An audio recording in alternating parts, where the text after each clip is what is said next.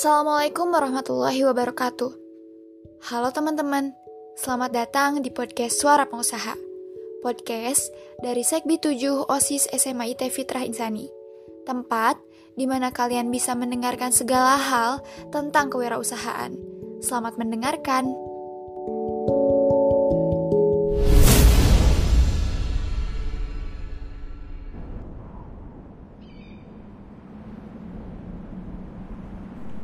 Angin berhembus, menerbangkan pasir-pasir yang dilewatinya.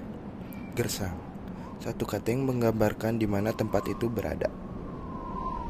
Dari kejauhan, terdengar suara tapak kaki unta dan kuda yang ditunggangi oleh para pedagang. Mereka mengadu untung dengan membawa berbagai barang dagangan dari beberapa penjuru bumi. Mekah, kota yang tetap insignifikan dalam konteks geopolitik di sekitar Mediterania dan semenanjung Arab masa itu. Dari penjuru kota lainnya, terdengar suara bayi merengek, pertanda ada seorang ibu yang habis berjuang untuk mempertemukan anaknya dengan kehidupan baru. Kehidupan dunia. Muhammad, nama yang diberikan oleh kakeknya untuk cucu tercinta. Bayi yang lahir pada 12 Robiul awal tahun gajah tersebut disambut baik oleh keluarganya bahkan bangsa Arab pada masa itu.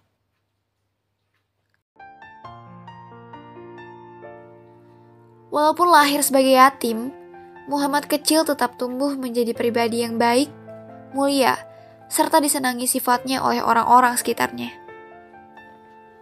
Namun sayang, sang ibu Aminah menyusul wafat saat Muhammad berusia enam tahun sehingga Muhammad dihasuh oleh kakeknya, Abdul Muthalib.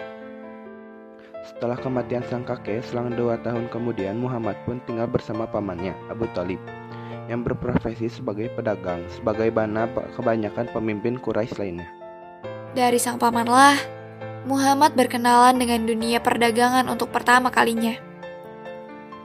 Afzalur Rahman dalam ensiklopedi Muhammad sebagai pedagang memaparkan, Muhammad tumbuh dewasa di bawah asuhan Abu Talib dan terus belajar mengenai bisnis perdagangan dari pamannya ini.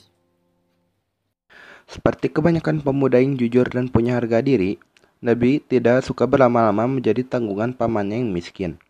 Maka beliau bekerja sebagai pengembala untuk penduduk Makkah dengan imbalan yang kecil pada masa kanak-kanaknya.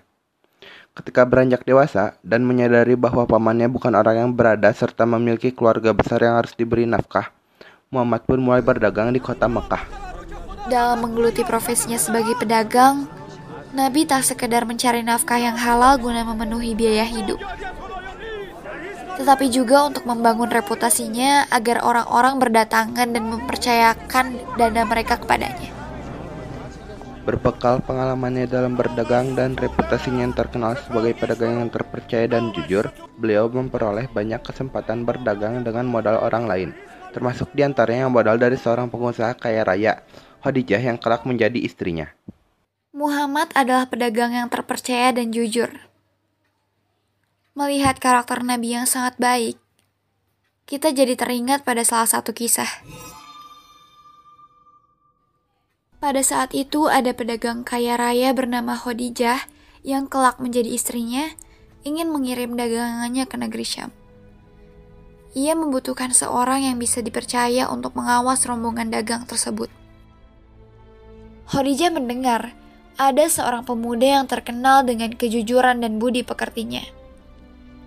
Khadijah pun meminta Muhammad untuk menjadi pemimpin rombongan dagang ke negeri Syam. Saat itu, Khadijah tidak mempedulikan status Muhammad yang belum memiliki pengalaman. Hal ini karena ia merasa yakin bahwa Muhammad adalah orang yang jujur dan paham mengenai seluk-beluk dunia perdagangan. Bersama dengan Maisaroh, utusan Khadijah, Muhammad pergi berdagang ke negeri Syam. Memang sudah menjadi tradisi bagi penduduk Mekah untuk mengantar rombongan dagang beramai-ramai hingga batas kota. Saat tiba di Syam, Muhammad bersama dengan pedagang lainnya dengan gesit menawarkan dagangannya kepada calon pembeli.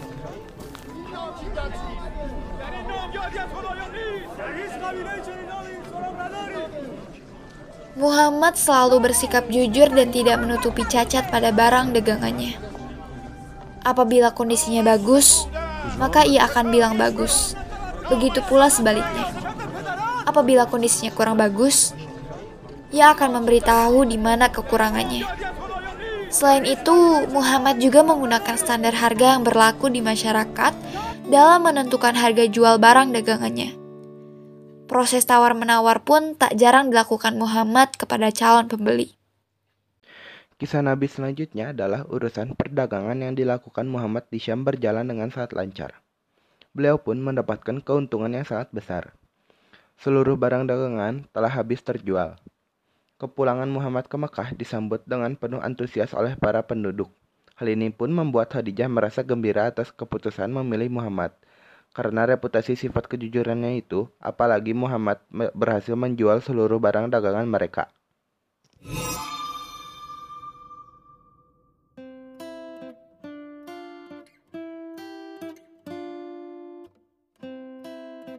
Pengusaha ideal Rasulullah telah menjadi pedagang ideal yang sukses dan memberi petunjuk bagaimana menjadi pedagang ideal dan sukses. Beliau selalu memegang prinsip kejujuran dan keadilan dalam berhubungan dengan para pelanggan. Muhammad Shallallahu Alaihi Wasallam selalu mengikuti prinsip-prinsip perdagangan yang adil dalam setiap transaksi. Beliau juga selalu menasihati para sahabatnya untuk melakukan hal serupa. Ketika berkuasa dan menjadi kepala negara di Madinah, beliau telah mengikis habis transaksi-transaksi dagang dari segala macam praktik yang mengandung unsur-unsur penipuan, riba, judi, ketidakpastian, keraguan, eksploitasi, pengambilan untung yang berlebihan, dan pasar gelap. Nabi Muhammad juga melakukan standarisasi timbangan dan ukuran, serta melarang orang-orang mempergunakan standar timbangan dan ukuran lain yang kurang dapat dijadikan pegangan.